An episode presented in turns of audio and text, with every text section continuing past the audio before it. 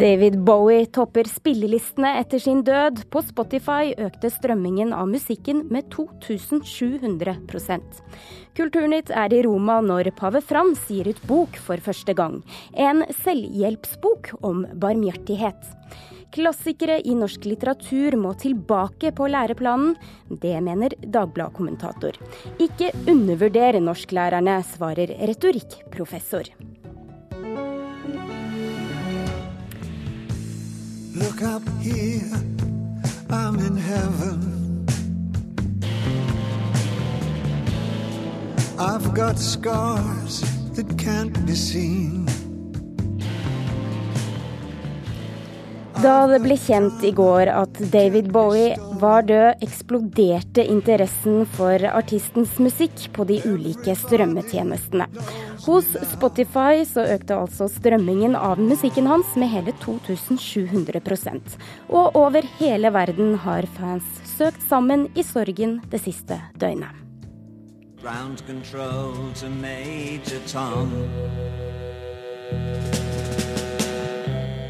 Ground control to Major Tom. Friends from around the world are mourning the loss of music, music legend David Bowie. Bowie passed away Sunday after battling cancer for the last 18 months.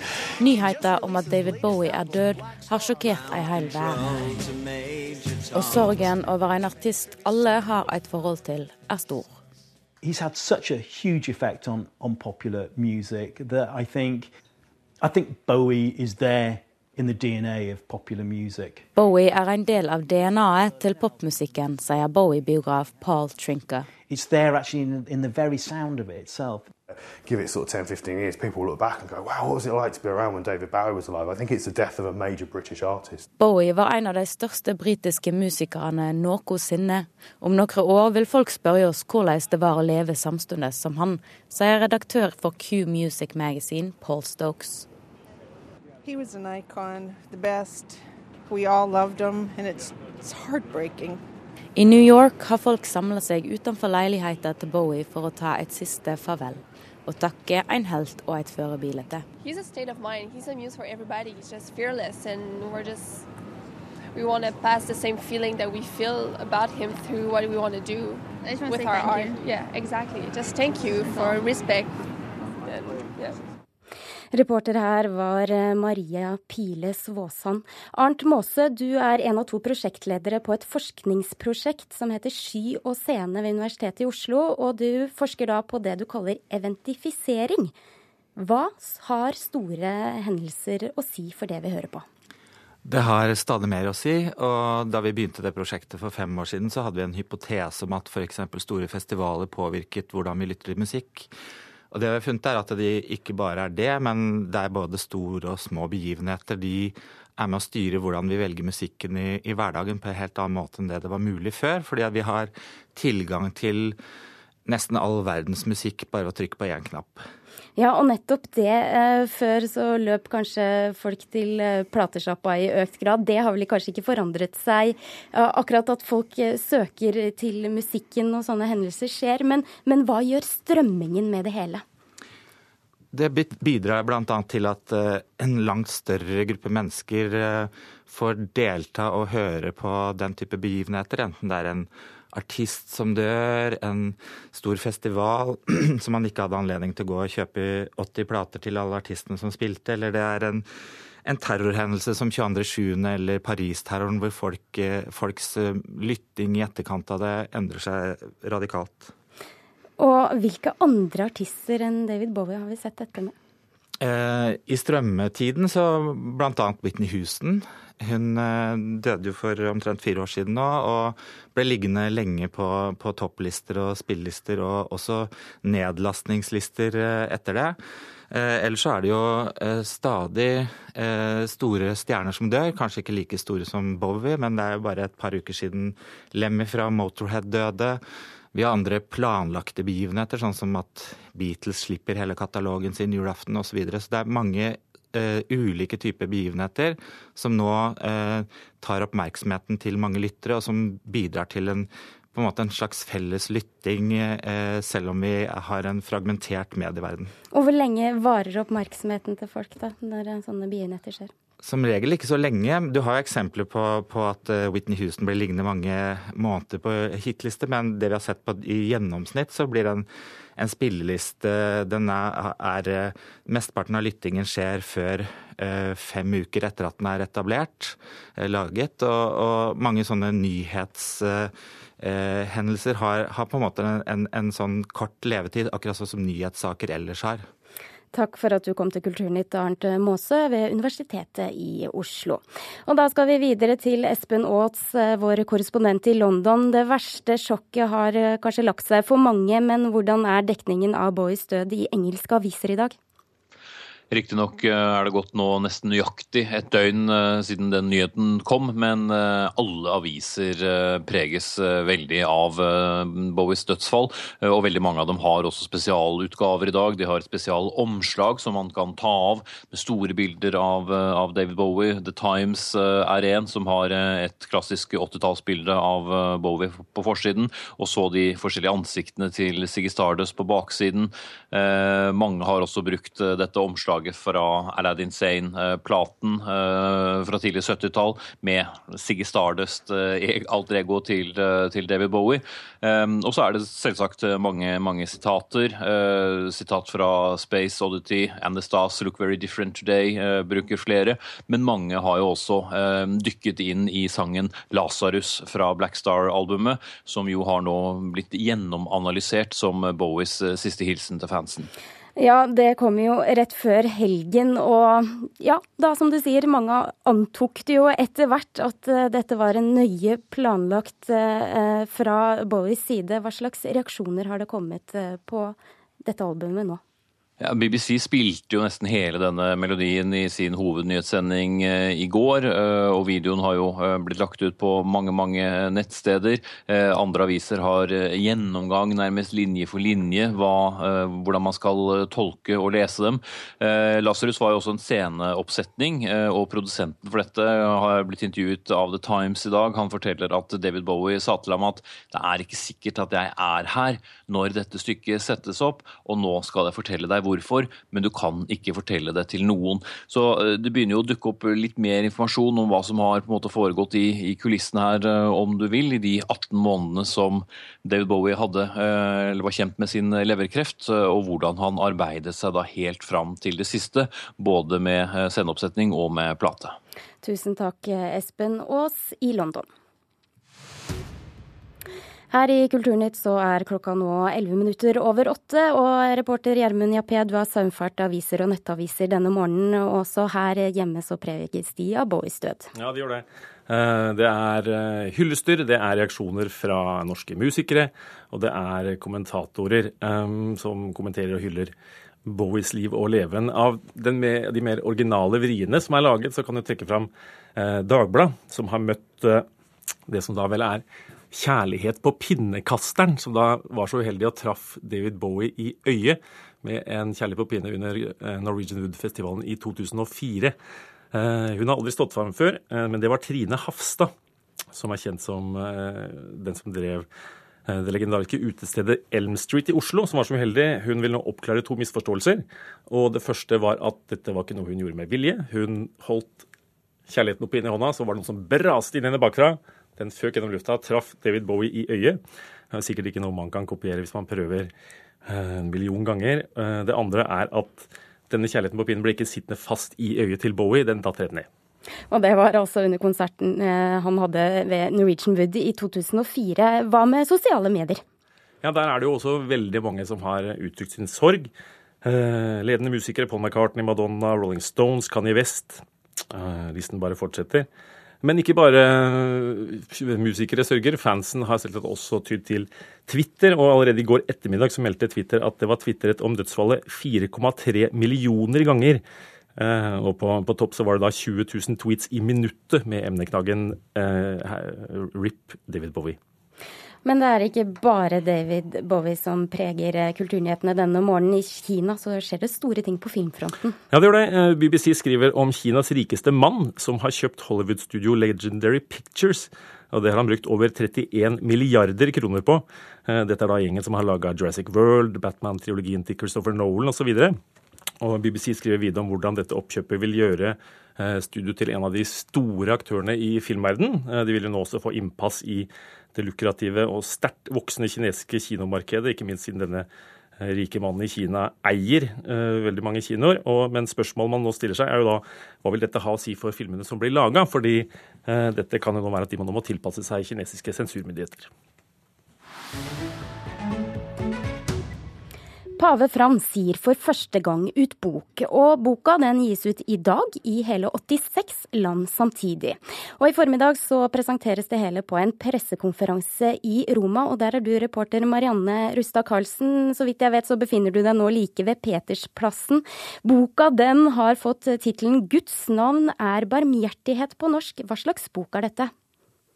Dette er en slags selvhjelpsbok som eh, Pave Frans gir ut for å understreke hva vi skal gjøre i forhold til dette med barmhjertighet. Eh, så det er lagt opp som en eh, bok som man kan hente trøst og inspirasjon i. Boka den presenteres klokka 11 i dag. Får du treffe paven da? Nei, Paven er nok ikke der selv, men de øverste kardinalene i Vatikanstaten er der. Og alle kardinalene i Roma er også invitert til å være der. I tillegg så blir det et voldsomt presseoppbud. Fordi den gis ut i 86 land, så kommer det jo media fra alle disse 86 eh, landene, troligvis. Er det ventet at pave Frans kommer med noen kontroversielle utspill i denne boka? Ja, Det som er spesielt med boka, er at han tør å, han tør å røre ved de kontroversielle tingene som eh, ofte kan være konflikter i, eh, trossamfunnene. Annet snakker han om homofile, og han snakker også om eh, syndere og de korrupte så det er ganske mye sprengstoff i denne boken. Ja, og Helt kort til slutt, Marianne Rustad Karlsen. Hvorfor gjør han dette? Han gjør det for å inspirere, tror jeg, og han gjør det også for å snakke til ikke bare katolikker, men denne boken er ment å være til alle trossamfunn, og også de som ikke tror. Den handler mye om synd og barmhjertighet, og det er vel derfor han gjør dette, for å inspirere alle som vil hente mot og trøst i en slik bok. Takk skal du ha, Marianne Rustad Karlsen. Dette er overskriftene denne morgenen. Forsvaret vil ikke endre lover og regler etter at en kvinne fikk ordre om å bade naken sammen med menn. Det trengs gode rutiner, det er ikke nok å snakke om holdninger, svarer Likestillingsombudet. Nødhjelpen har kommet frem til tre syriske byer, men det trengs flere akutte tiltak. Mange er syke og skadde og må evakueres, sier FN.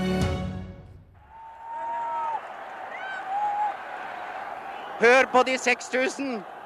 Og jeg er enig med dem. Et norsk ishockeylandslag har aldri spilt så fantastisk godt som de gjør i dag.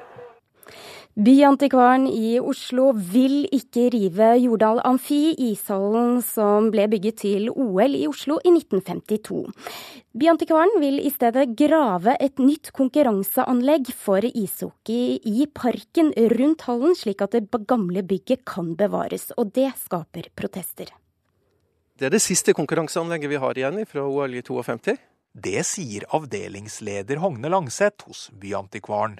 Etter at planene om et nytt OL i Oslo i 2022 strandet, lovet Oslo-politikerne at nytt Jordal Amfi var det første planlagte OL-anlegget de likevel ville bygge.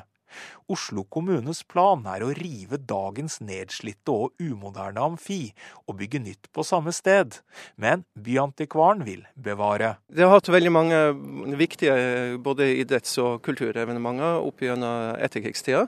Det har òg en flott arkitektur. Eh, spennende arkitektur som var veldig moderne før sin tid, eh, og som utnytter terrenget, topografien her, den skålformen vi har på, på Jordal, på en veldig flott måte. Hogne Langseth sier at gamle Jordal Amfi i nyoppusset versjon kan bli en fantastisk eventarena for kultur og idrett.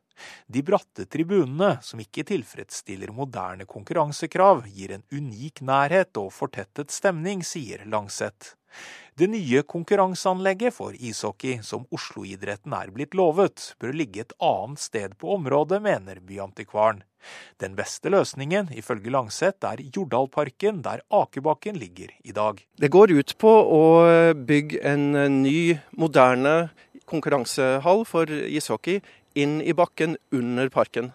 Og reetablere parken på toppen av taket med en eh, bakke som da skråne ned mot eh, idrettsflata her nede, sånn at man får en akebakke og et fint eh, landskap i den, den parken.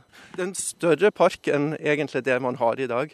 En ny hall i Jordalparken, det ser vi som fullstendig uakseptabelt. Det sier Tommy Grotterød, leder i Kampen Vel. Planene om nedgravd hall i parken møter massiv motstand i nabolaget. I helgen var det et yrende liv i akebakken, og en såkalt reetablering på et tak er en løsning naboene fnyser av. Denne parken den er så populær, den er så mye brukt av barn, ungdom, voksne. Og den gir rom for ypperlige vinteraktiviteter. Den er mye brukt også sommerstid. Det er et vakkert naturområde. Dette vil vi beholde. Nå sier jo Byantikvaren at det blir en like bra park på taket av den nye hallen. Den eh, parken på taket av hallen den kan ikke erstatte de naturlige, flotte mulighetene som er i dagens park.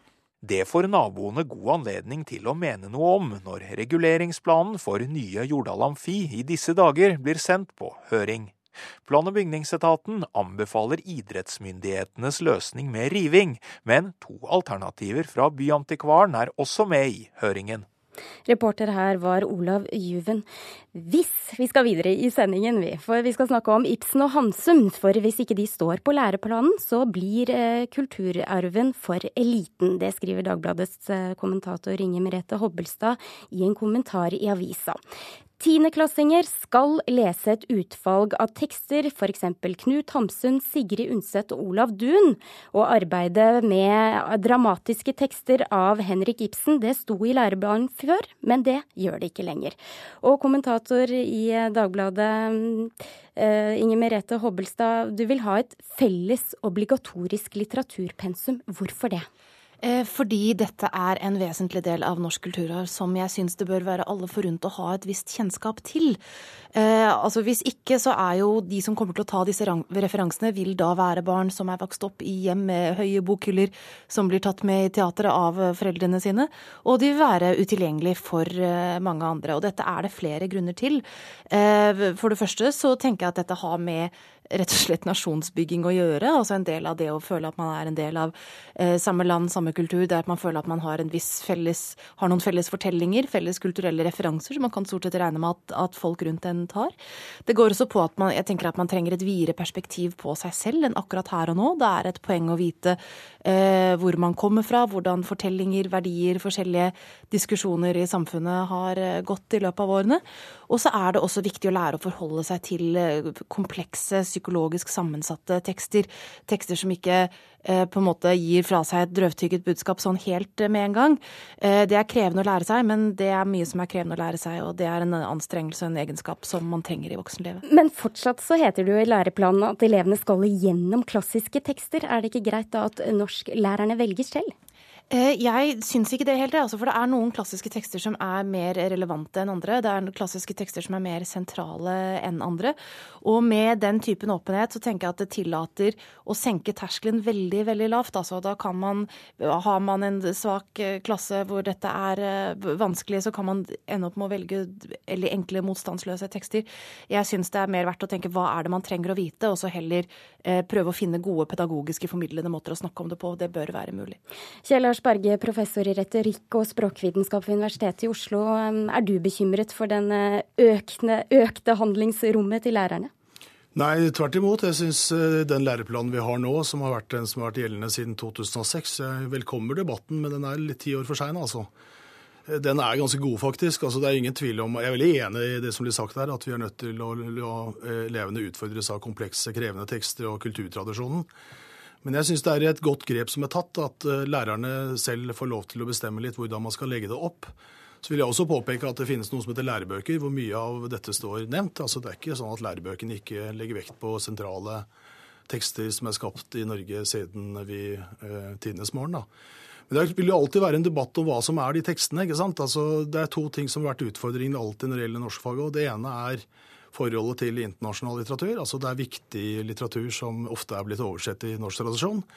Eh, klassikerne forsvant i 1885, og det er mange som gråter fortsatt over det. ikke sant? Altså At ikke folk kjenner sentrale klassiske tekster. Den religiøse tradisjonen er også ofte oversett. Det gjør at det er vanskelig å lese tekster fra eldre enn 1800-tallet. Eh, så er det, det andre er sakprosaen, som helt opplagt er viktig tekstkultur og viktig å sette seg inn i. Altså Ta en type som eh, Henrik Wergeland, som jo mange kjenner kun som lyriker. Han er en meget sentral sakprosaforfatter, også politiker. Han holdt store, en av de første store 17. mai-talene, hvor han avduka et av de første store momentene i Norge. Altså, det er masse sånt noe som har vært i diskusjonen som har gjort at vi har fått det faget vi har fått nå. Men, og jeg syns vi skal stole på lærerne. altså. Det er kompetente og dyktige folk som klarer å løse dette på en fin måte. Tror Men likevel så har Klassekampen i vinter skrevet en rekke artikler om at det er manglende kunnskaper hos nordiske studenter på høyskoler og universiteter. Skal vi ikke lytte til dette? Jo, nå er jo jeg eh, professor på universitetet da, og møter den type studenter daglig. Nå gjør jeg ikke akkurat det nå, men har Opplever gjort det i snart 30 år. Jeg syns at nivået på mine studenter, nå møter jeg dem stort sett når de kommer på masterstudiet, er ganske høyt, faktisk. Og jeg er ikke bekymra overhodet. Så jeg, jeg syns vi bør være litt forsiktige med anekdotene her, syns jeg. Bare holde oss til uh, kjensgjerninger. Ja, nå, er ikke, nå er ikke dette snakk om anekdoter, det er jo snakk om forskning som er gjennomført bl.a. av uh, forskere ved Høgskolen i Hedmark, uh, som har kartlagt at lærerstudenter også har manglende kunnskaper om klassisk norsk litteratur, og ikke er trent i å skrive skrive om det, behandle det på en grundig måte. og På den måten blir jo dette naturligvis en følgefeil i systemet. Eh, altså Hvis du selv som eh, vordende lærer ikke har et eh, fortrolig innarbeidet forhold til de litterære klassikerne, hvordan skal du da kunne undervise i dem for elever som er på veldig forskjellig nivå og trenger tilrettelegging, trenger formidling av disse eh, verkene på eh, forskjellige nivåer. Og dette har ingenting med mistillit til norsklærere å gjøre. Jeg har norsklærere på alle veiene i slekta, så dem har jeg stor eh, respekt for. Men det er snakk om at den åpenheten kan være uh, uheldig. Den kan gjøre at man får rom til å hoppe over ting som man ikke bør hoppe over. Og at man heller da bør finne måter å nå frem på. fordi det er klart, altså alt du trenger fins i disse litterære verkene. altså Ibsen og Hamsun, Sigrid Undset. Det er krevende fortellinger, det er komplekse fortellinger. Men det er også historier fulle av følelser, komplekse relasjoner, mellommenneskelige dramaer. Eh, altså er, jeg syns ikke det er vanskelig å se for seg at hvis man klarer å komme frem til det som er det relevante i de tekstene, så lar det seg gjøre å formidle overfor veldig mange. Du har ti sekunder til slutt, Kjell Lars Berge, altså, Jeg er veldig enig i mye av det som blir sagt, men jeg har, eh, jeg har tillit til at norsklærerne klarer å løse dette fint, og jeg er ganske sikker på at det å løse det med å innføre en fast kanon med faste tekster er en dårlig løsning. Takk for at dere kom til Kulturnytt, eh, Inger Merete Hobbelstad og Kjell Lars Berge. Gamle scene i Trondheim feirer 200 år og er en av de eldste scener i Europa i sammenhengende drift. En juvel, sier teatersjefen og markerer dette ved å sette opp eh, Armod og Edelt sinn fra 1800-tallet. En forestilling der eh, alt skal spilles på originalt vis. Rått, direkte og rasistisk. Jeg utruster et skip og tar alle kostnader. De tar kommandoen og fører skipet til Afrika til Afrika. Hva skal de der? Jubileumsstykket for Gamle Scene er ikke valgt tilfeldig. Det er skrevet i 1796 i Tyskland, i de store omveltningers tid. Negrene kan verken skrive eller lese. Man bedrar dem så lett at det er en fryd. Gamle Scene var ferdigbygd i 1816. I en by med mange rike familier som var opptatt av internasjonale trender. Veldig stor teaterinteresse i Trondheim rundt 1800. Eh, og Trondheim som en internasjonal by med kontakter til utlandet. Et eh, rikt borgerskap. Og de hadde da privatteatret i sine store hus, da. Og 1814, da, eh, vårparten var det vel, så ble det utlyst at nå, vi, nå trenger vi aksjer. Aksjekapital. Sier teaterhistoriker Toralf Berg. Her er trappa Bjørnson og Ibsen har gått. Enkelte ting er helt, helt likt sånn som det var for 200 år siden. og ja, Det er en juvel, dette her. Det er en, eh, et lite smykkeskrin som vi er forferdelig glad i. Det sier teatersjef Kristian Seltun. Og ja, Ibsen og Bjørnson har instruert sine tropper her. Det var bare få ganger det var fast ensemble her i Trondheim, da, men det var tilreisende selskaper. Omreisende selskaper. Som selvsagt måtte presentere nyheter. Og de var i Berlin, i London, Paris og snappet opp det folk ville ha. For de måtte jo spille det som folk ønsket å se. De 200 år gamle veggene her bærer et utall historier om kulturen i Trondheim og i verden. Fra Trondheims gullalder fram til nå. Scenen med det skrå gulvet er den eldste i kontinuerlig drift i Norden. Den er freda og modernisert, og den har kommet for å bli. Vi, eh, vi, er jo vokst opp med denne scenen, vi, så vi, det, det jo, ligger jo i uh, ryggsøylen uh, vår. Det er en scene med god akustikk, med, hvor alle ser godt. Det er en, det er en kremscene å arbeide på. altså. Det Og jubileumsstykket trekker linja, sier skuespiller Halbjørn Rønning. Som tatt ut av dagliglivet i dag, det er Ja, det. det er en glittende antisemittisme og rasisme og Eh, alle verdier, eh, eh, kjærlighet og alle verdier i dagliglivet, det blir målt i, i, i penger.